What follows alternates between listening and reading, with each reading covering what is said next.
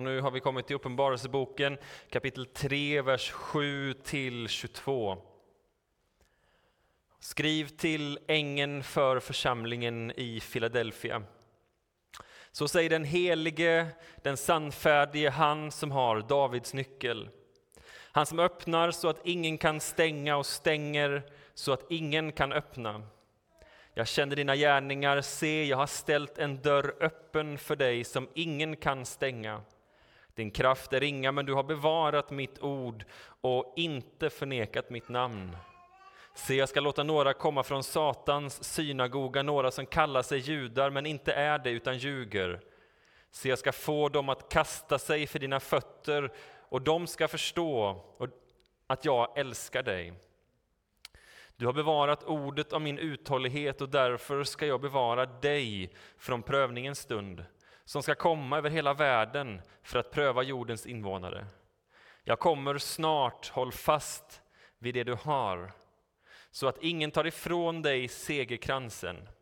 Den som segrar ska jag göra till en pelare i min Guds tempel, och jag ska aldrig mer lämna det. På honom ska jag skriva min Guds namn och namnet på Guds stad, det nya Jerusalem, som kommer ner ur himlen från min Gud och mitt nya namn. Du som har öron, hör vad Anden säger till församlingarna. Skriv till ängeln för församlingen i Laodikeia. Så säger han som är Amen, det trovärdiga och det sanna vittnet, början till Guds skapelse. Jag känner dina gärningar. Du är varken varm, kall eller varm. Om du ändå vore kall eller varm, men nu är du ljum och varken varm eller kall, och därför ska jag spy dig ut ur min mun. Du säger, jag är rik. Jag har vunnit rikedom och saknar ingenting, och du förstår inte att just du är eländig och ömkansvärd, fattig, blind och naken. Jag råder dig att hos mig köpa guld som har renats i eld, så att du blir rik. Vita kläder, så att du kan klä dig och dölja din skamliga nakenhet och salva att smörja dina ögon med så att du kan se. Jag tillrättavisar och tuktar alla dem jag älskar. Visa iver, vänd om, se jag står vid dörren och bultar. Om någon hör min röst och öppnar dörren ska jag gå in till honom och äta med honom och han med mig. Den som segrar ska jag låta sitta hos, min, hos mig på min tron, liksom jag har segrat och sitter hos min fader på hans tron. Du som har öron, hör vad Anden säger till församlingarna. Herre Jesus, idag kommer vi till dig med den här svåra texten. Med budskap från dig till församlingen. Vi ber dig att det här ordet idag ska ge oss liv i ditt namn. Amen. Varsågod och sitt.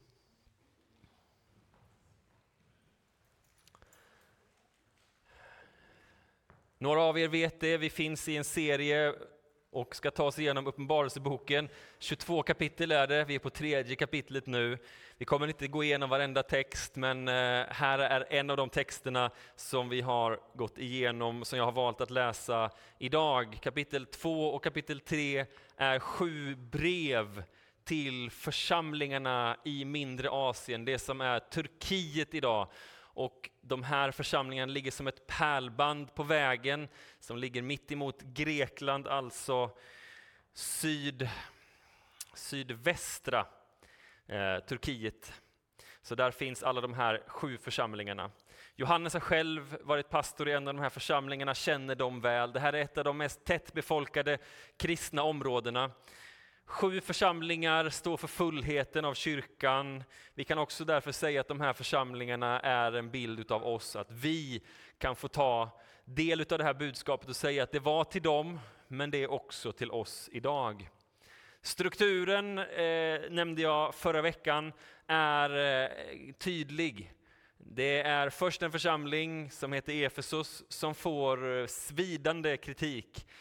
Och de får så mycket kritik att de inte har rätten att kalla sig församling längre om de inte omvänder sig. Jag ska ta lampstället ifrån er. Guds närvaro kommer inte längre finnas i församlingen. Sen så har vi en av de församlingar som inte får någon kritik, det är Smyrna som kommer efteråt. Och sen kommer tre församlingar som får både ris och ros. Och sen kommer vi till Philadelphia, den församlingen som våran församling en gång i tiden hämtade sitt namn ifrån. Den här församlingen hette ju när den grundades, var det 1948? Nu ska vi se. Jag kollar på någon som borde ha koll, jag tänker att det var då i alla fall. 42 som vi grundades och då eh, så kallades vi Philadelphia församlingen i Fresta.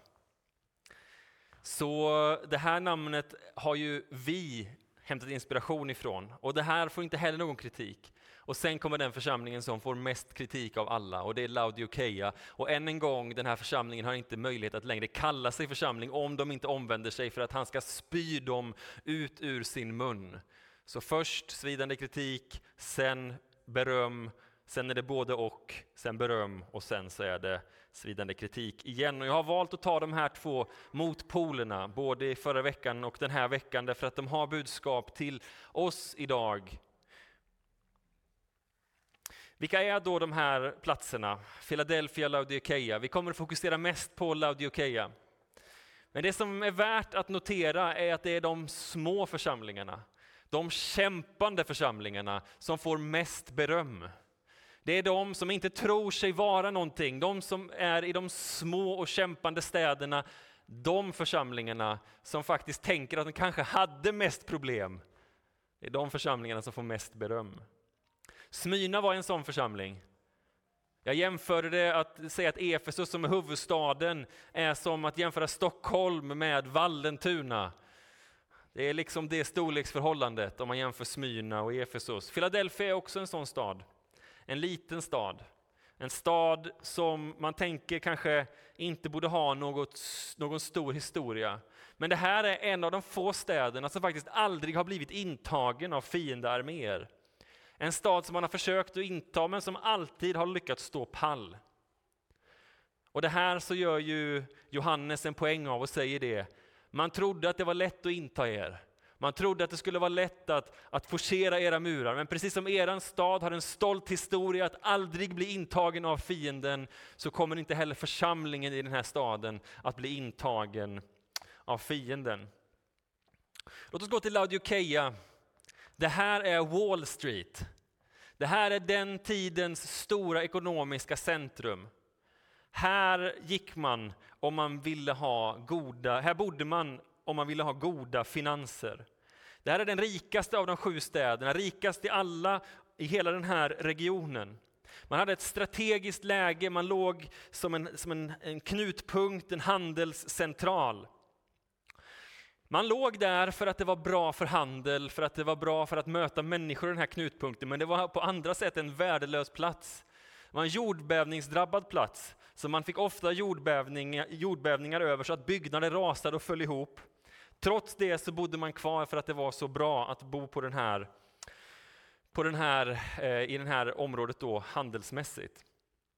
Man eh, valde, det fanns på den tiden i romarriket en fond som man kunde ansöka till. När det blev stora katastrofer så kunde man vända sig till Rom och så kunde man säga vi ansöker om att få vår stad återuppbyggd. Sådär. Och många andra städer nyttjade ofta det här.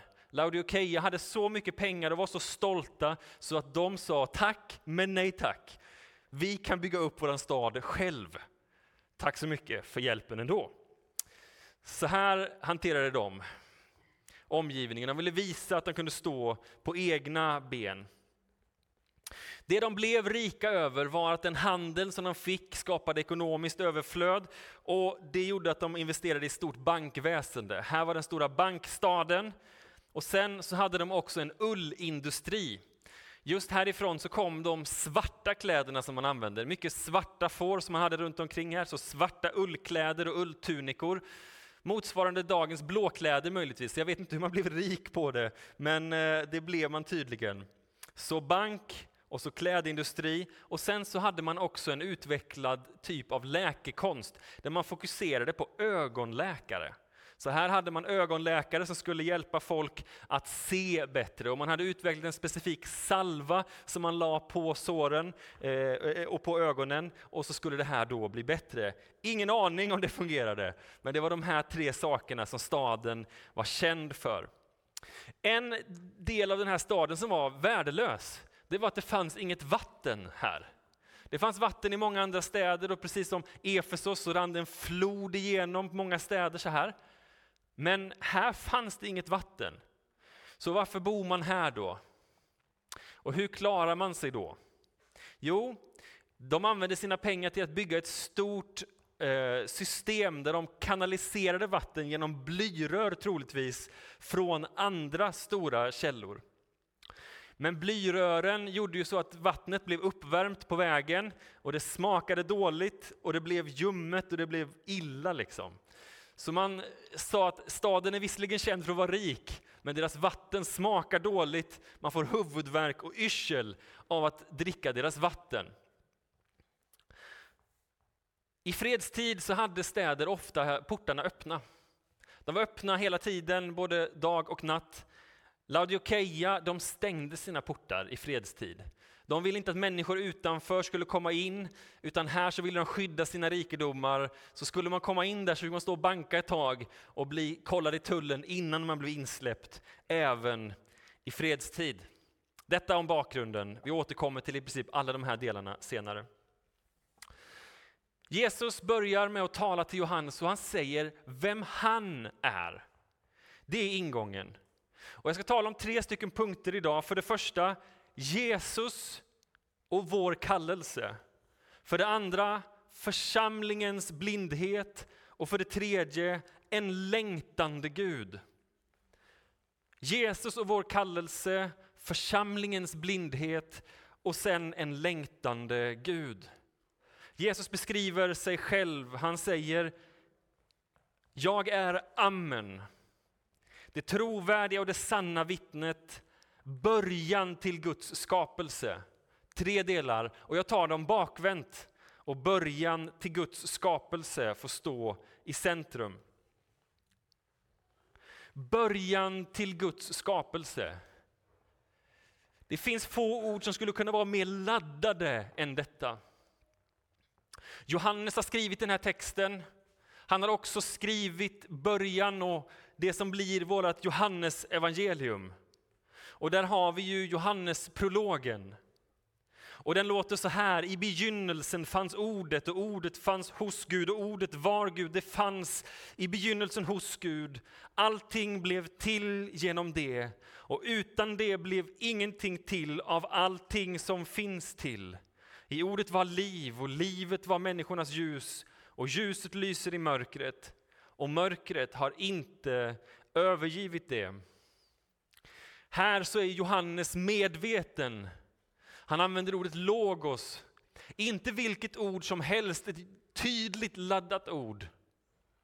Och han mixar det med den judiska skapelseberättelsen. Den tidens filosofer så var, bland den tidens filosofer så var stoikerna dominerande. Stoikerna talade om att det finns en guidande princip, en vägledande princip som driver hela universum framåt. Det finns en princip som kallas logos. Vårat ord logik har kommit därifrån. Den drivande principen som inte bara är logik i tanken utan essensen i allting det som finns, självaste livsandan. Det är logos. Så när en filosof får en smart tanke är det logos som kommer och ger den till oss. Men när något skapas eller förnyas, när blommor blomstrar, även det är logos som liksom driver in i det. Så Johannes använder det här laddade begreppet och säger i begynnelsen var ordet logos. Och så skriver han det med versaler, ordet, och menar att det där är ju Jesus Kristus. Och så talar han samma ord som finns i den judiska skapelseberättelsen. I begynnelsen skapade Gud himmel och jord. Det känner alla judar till, men så säger han i begynnelsen var ordet. Och så säger han att det var genom detta ord som Gud skapade hela universum. Och helt plötsligt så gifter sig det judiska och det grekiska, kan ni se det? Att stoikerna och judarna står där och får en bit av sin identitet liksom sammanflätad och Jesus står där som centrum. Han är den drivande principen, logiken i våran tanke, men också det som får varenda växt att blomma och en gång så skapades hela universum med den här principen. Jesus säger här att jag är början till Guds skapelse. Jag är logos. Men det finns en till dimension i detta uttryck. Ytterligare en del, och den är minst lika viktig, ja kanske ännu viktigare än detta. Därför skapelsen som en gång skapades, den föll.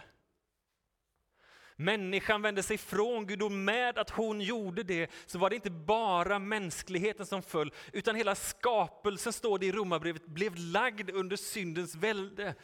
Precis som att när människan föll så föll allting.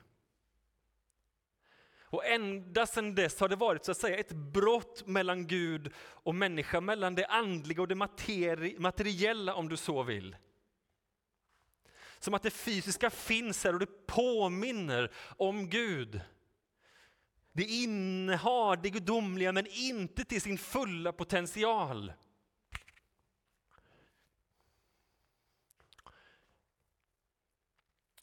När vi talar om frälsningen så målar vi ofta ett kors. Vi talar om döden och uppståndelsen, om livet som vi får genom det. Men detta är inte bara eller den enda bilden utav frälsningen. Därför Jesu födelse är också en del utav vår frälsningshistoria. Därför när han kliver ner på jorden så är det det gudomliga och det mänskliga som fästs i en person. Vi kallar det för inkarnation. Det gudomliga fäster sig i, i det materiella och så får vi någonting nytt. Gud kliver ner på jorden och så säger han, jag ska lära er att be. Och vad blir det för bön? Jo, det blir Fader vår som är i himlen. Helgat vare ditt namn. Kom med ditt rike och ske din vilja på jorden så som i himlen. Och han själv är svaret på den bönen. Jesus visar att genom honom så har himlen kommit på jorden. Därför kan han säga att Guds rike är här. Därför att jag är här. Så han är den lilla delen, det förstfödda, inte bara från den första skapelsen, utan också till den skapelse som kommer. Och sen har vi döden och vi har uppståndelsen och så säger evangeliet att han är den förstfödde från de döda. Du som kan din bibel tänker, nej men det stämmer ju inte. Det är ju, det är ju faktiskt en del tidigare här som har uppväxt från de döda. Jag menar, Acke läste ju nyss en text här om en flicka som gjorde det. Nu har de missförstått det här. Nej men han är den förstfödde från de döda som föds till det andra livet. Som föds till det nya livet. Det livet som är en ny skapelse. Där du och jag inte har kommit än, men dit vi välkomnas in. Så Jesus dör bort från den här, det här livet och den här dimensionen och uppstår till ett nytt liv. Och där så är han den första livgivaren, men han välkomnar oss in. Och han säger, om du tar emot mig, så får du rätten att kalla dig Guds barn och du får rätten att följa mig i dopet, döden och i uppståndelsen och du får rätten till evigt liv.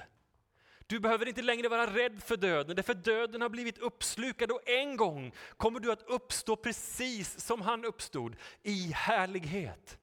Och så står det också i Romarbrevet, på samma sätt som skapelsen längtar och våndas, som vi längtar och våndas, kommer den att få uppstå, precis som vi uppstår. Och så kommer det en dag, i slutet av Uppenbarelseboken står det, att hela skapelsen kommer att förnyas och bli till någonting nytt. Så han är nyckeln i den första skapelsen.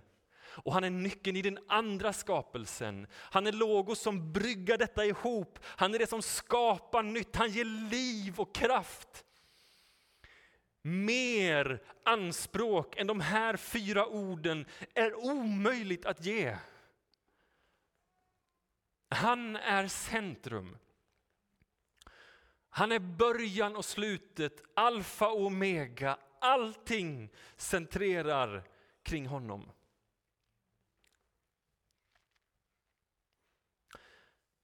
Han är det trovärdiga och det sanna vittnet. Vittne, kommer ni ihåg, är samma ord som martyr. Martyrion, vittne. Jag är det trogna och det sanna vittnet, säger Jesus. Han vittnade i ord, han vittnade i handling och han vittnade genom lidande, genom sin död.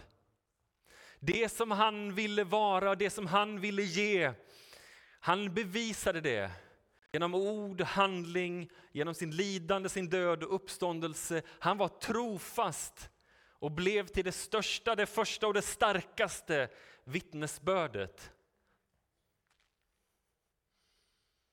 Jag är amen, säger han. Vi som är goda troende avslutar ju varenda bön med amen. Och vi kan säga amen när någonting är väldigt bra och amen betyder bara låt detta ske. Låt det bli på det här sättet. Jag är skapelsen. Jag har vittnat och det kommer ske. Jag håller liv och död i min hand. Jag har visat att det stämmer och det kommer att ske. Detta är det som han säger om sig själv. Det är så som den här texten lägger upp det. Och sen kommer den här bedrövliga texten. Jag känner dina gärningar. Du är varken kall eller varm. Om du ändå vore kall eller varm, men nu är du ljum. Varken varm eller kall, därför ska jag spy dig ut ur min mun. Vad betyder detta? Vi som har läst texten tidigare, vi kanske tänker att, att varm, då är man het, man är passionerad, man är driven. Och kall, då är man liksom lite avsvalnad och så här, liksom lite, ja. Det kanske ligger någonting i det. kanske ligger någonting i att, i att det kan vara så att, att det, är, det är bättre att faktiskt inte vara passionerad alls, än att vara halvpassionerad för Gud. Möjligtvis. Låt oss låta det liksom hänga där vid sidan. Men det som texten talar om här är ju om kontexten som fanns då. Och de som kände till situationen där visste ju om att vattnet i Laodikeia är värdelöst. Och dricker du det här så blir du sjuk. Det är ljumt och det är bittert och det smakar äckligt och du blir sjuk. Gör en analogi kring det här. Därför bredvid så fanns det en stad som hette Hierapolis. Och den här staden, Hierapolis, de hade varma källor. Och i de här varma källorna kunde man bada och det vallfärdade människor dit. Och man vallfärdade dit för att bada och för att helas i de här källorna. Jag har ingen aning om man faktiskt blev frisk. Men ryktet sa att man blev frisk om man badade i Hierapolis källor. Så den staden fanns där. På andra sidan fanns en annan stad som vi också känner utifrån breven, Kolosse. Och Kolosse var våran Loka. Loka brunn eller Kolosse brunn. Där kunde man dricka av de friska källorna. Och de här källorna, de sa man, de är livgivande. De är livgivande. Så du kan dricka av det, var- det kalla vattnet och du kan bada i det varma vattnet. Det Johannes säger här, det han skriver, det Jesus talar om, det är eran kallelse församlingen. Det är att vara helande för den staden ni finns. Ni är inte det. Eran kallelse var att vara livgivande. Men ni är inte det. Ni ger vare sig helande eller liv. Ni ger ingenting av det som ni skulle gjort. Vad ska jag ha er till nu? Ni smakar lika bittert som ett äckliga vatten, så jag vill kräka er ut ur min mun, precis som alla vill som dricker av det vattnet som ni har. Bedrövlig text. Men man förstod den då. Vad är det då som är problemet? Vad är det då som är felet? De lever inte i sin kallelse. De skapar inte världen på nytt. De kliver inte in och de är inget vittnesbörd. Philadelphia fick ju beröm. De stod där Fasta utan kompromiss trots att de skulle få förföljelse. Håll fast vid det ni har. Kompromissa inte med er tro. Visa på Kristus där ni är. Och ni som är små kommer precis som eran stad att stå fasta genom allting. Därför att jag står med er. Laodikeia har misslyckats helt. Men de fattar inte det. Därför att det står att de tror att de är rika. Men han säger, ni är inte rika. Ni är inte rika, utan ni är, vi läser vidare. Du säger, jag är rik. Jag har vunnit rikedom och saknar ingenting. Och du förstår inte att just du är eländig och ömkansvärd, fattig, blind och naken. Här har vi en församling som tror att på grund av att allting ser bra ut på utsidan så tänker de att de är välsignade av Herren. På grund av att kontot är välfyllt, på grund av att de har en snygg kyrka, på grund av att de har en välfungerande organisation, på grund av att de är ansedda i samhället där de är, så tänker de, här så är Gud med oss. Gud talar och säger, Gud är inte med er, han håller på att spyr ut ur er mun. Allt det som ni trodde att ni är, är ni inte. Märk väl, det som han säger här nu är ju rakt motsatsen av vad staden är känd för. Ni är fattiga, ni är blinda och ni är nakna. Ni har inga kläder att ta på er, även fast ni har massor av kläder att ta på er. Ni ser inte, även fast ni är kända för era ögonläkare. Och ni som har era konton välfyllda, ni har ingen rikedom i Guds ögon.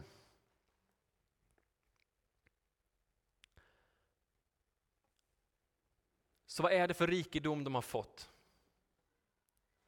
De har fått rikedom för att de har lärt sig att kompromissa med världen de finns i.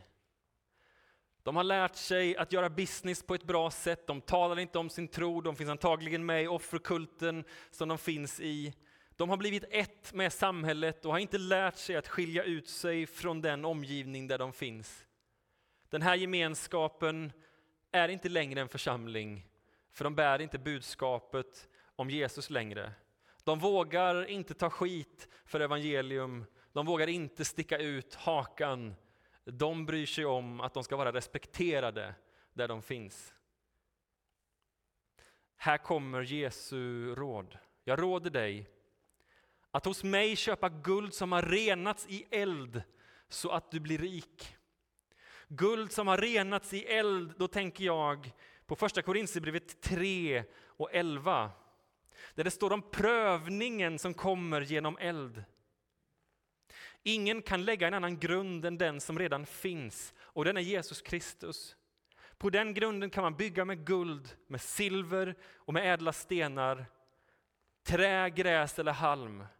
Och det ska visa sig hur var och en har byggt. Den dagen ska avslöja det, ty den kommer med eld och elden ska pröva vars och ens arbete och vad det är värt. Den vars byggnad består ska få sin lön. Håller våra liv inför Herren. När prövningarna kommer, håller våra liv inför honom. Vad händer med dig om dina pengar försvinner? Vad händer med dig om din bil eller ditt arbete försvinner? Vad händer med dig om det blir knas i de sakerna som du bryr dig mest om? Håller ditt verk inför Herren? Kommer han att säga till dig, du gode och trogne tjänare, har du byggt ditt hus av halm och strå? Eller har du byggt det av guld och ädla stenar som ingenting kan rå på? Pröva ditt liv genom eld. Jag tänker att eld och prövningar är samma bild. Och att ibland så kommer elden i slutet av våra liv och vi märker först då att vårt verk inte höll. Men kanske ska vi vara tacksamma om den prövningen ibland kommer tidigare. Så att vi får se att ibland får delar av det som vi älskade brinna upp här och nu. Så att vi inser att det skulle ändå brunnit upp senare. Här säger han till församlingen, pröva. dig själv genom eld. Förändra och växla dina pengar från jordisk valuta till himmelsk.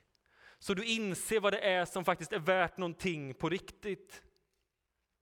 Och så fortsätter han, vita kläder så att du kan klä dig och dölja din skamliga nakenhet. De som hade de fina kläderna av det här ullet, de stod där och säger, ni ska inte ha den här svarta färgen på er.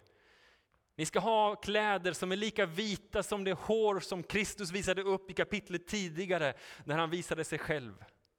Ni ska ha skinande vita kläder som talar om att vara obefläckad av avgudadyrkan. Ni ska inte tillbe någon annan eller någonting annat än Jesus Kristus.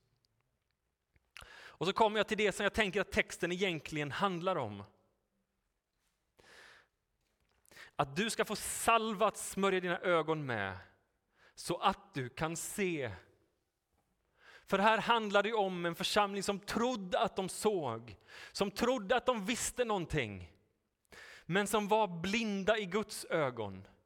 Och jag tänker låt detta få vara våran bön idag, att Gud smörjer våra ögon med sin salva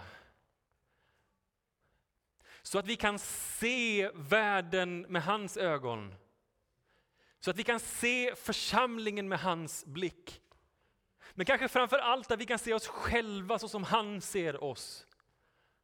Att vi inte nöjer oss med att stå där vi är, utan att vi ber Gud smörj våra ögon så att vi inte lever i ett bedrägeri, utan att vi får leva så som du önskar. Att din bild av oss får vara den bild som dominerar oss själva. Och sen kommer vi till det som blir avslutningen och man kan tänka, hur kan det bli hoppfullt här? Men Jesus säger, jag tillrättavisar och tuktar dem jag älskar. Det här budskapet som du har fått som är stenhårt. Jag säger det till dig för att jag älskar dig. Jag säger det till dig därför att jag har dig kär. Därför att jag har gett mitt liv för dig, därför att jag har dött och uppstått för dig. Genom kärlek talar jag till dig. Tro inte att jag hatar dig, tro inte att det här är av avsky. Jag älskar dig, därför tillrättavisar jag dig. Och så står det, jag står vid dörren och bultar. Kan ni tänka dig associationerna som de har, de som stänger sina dörrar varenda gång, varenda dag liksom, så, så är dörrarna stängda till staden. Och de säger, precis som staden har stängt sina portar, så har ni i församlingen stängt era portar till mig, säger Jesus. Jag står på försam utanför församlingens lokaler och jag bankar på, men ni vägrar släppa in mig. Det är som att vi, det här brevet hade kommit till oss, Jesus hade stått där ute, bankat på dörren och vi säger nej, den där släpper vi inte in. Inte honom. Inte honom. Det här är ju ett citat. Ett citat ifrån från Höga Visan kapitel 5. Det står så här, hon, jag sov, men mitt hjärta var vaket. Hör, min vän knackar på Öppna för mig min syster, min älskade, min duva, min fulländade. Mitt hår är fuktigt av dagg och mina lockar är våta av nattens droppar. Här har vi en älskare som står och bultar på dörren och säger släpp in mig. För jag vill umgås med dig, jag vill vara med dig, jag vill se till att du blir min igen. Öppna dörren, låt mig komma in. Jag står här full av kärlek. Släpp in mig igen, ni som har stängt ute mig så länge.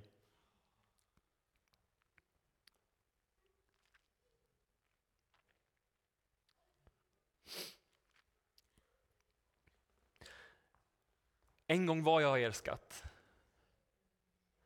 Nu är jag inte det längre. Men ni har gått långt bort ifrån mig. Därför säger han, visa iver och vänd om Ordet är nitiskhet, celles på engelska. Låt inte det här göras med vänsterhanden. Här är vänsterhanden. Utan gör det här från djupet av era hjärtan. Vänta inte till imorgon. Omvänd er idag. Visa nit, visa iver, visa passion i er omvändelse. Jag står vid dörren och jag bultar just nu. Om någon hör min röst och öppnar dörren ska jag gå in till honom och äta med honom och, hon, och han med mig. Den som segrar ska jag låta sitta hos mig på min tron, liksom jag har segrat och sitter hos min fader på hans tron. Du som har öron, hör vad Anden säger till församlingarna. En gång i tiden så kallade vi vår församling för Philadelphia församlingen. Den församlingen som var trogen med sitt vittnesbörd. Den församlingen som gick ut i staden och vågade stå även om det kostade. Vi kallar oss inte Laodikeia och jag tror inte att vi är det. Men låt den här texten få vara en varning och en uppmuntran, en, en, en, en, varning och en uppmaning till oss. Kanske också en uppmuntran. Att Gud vill gå till rätta med oss, men i kärlek. Att Gud älskar oss även om det är så att vi behöver omvända oss. Låt oss sträva efter att bli som Philadelphia och som Smyrna. Låt oss granska oss själva som att vi vore Laodikeia. Han som är Logos, han som säger att jag är början till Guds skapelse, säger att jag välkomnar dig in att ta del av mitt skapelseverk. Du kallas att vara varm, att hela det samhälle där du finns i. Du kallas till att vara kall, att ge liv vart du än går. Du kallas att vara ett vittnesbörd och överallt dit du går, skapa nytt utifrån min skapelsekraft, säger han. Och om du finns här idag som känner, jag har inte mycket att ge. Om du finns här idag och känner, jag är brusten och bruten. Då säger han, jag vill skapa dig på nytt igen. Min skapelsekraft vill jag använda för att skapa någonting nytt i dig, säger han. Han stod inte bara och knackade på Laodikeias dörr, han stod inte bara och knackade på vår församlingsdörr, utan han säger även om du inte har öron att höra med, även om inte du har ögon att se det med, så står jag även för ditt hjärtas dörr och jag bultar just nu. Därför jag vill komma in till dig och jag vill hålla måltid med dig, jag vill förändra och jag vill förvandla och jag vill ge dig den nya skapelsens liv och kraft hos dig. I Jesu namn. Amen. Herre Jesus Kristus, vi tackar dig för de här orden. Orden till församlingarna, till Philadelphia och till Laodikeia. Vi ber att de inte ska bryta ner utan att de ska få bygga upp. Att du ska sålla av det som jag har sagt och att bara det som är god frukt får vara det som består. Herre, låt oss få söka dig med hela våra hjärtan av nit och iver. Att vi alltid tvättar våra ögon med din salva så att vi kan öppna dem och se det som du vill vi ska se. Att vi kan få se på världen, på samhället, på oss själva med dina ögon. Herre Jesus, att vi kan lyssna och höra när du bultar på våran dörr. Så att vi inte stänger dig ute, utan att du välkomnas in där vi finns. I Jesu namn. Amen.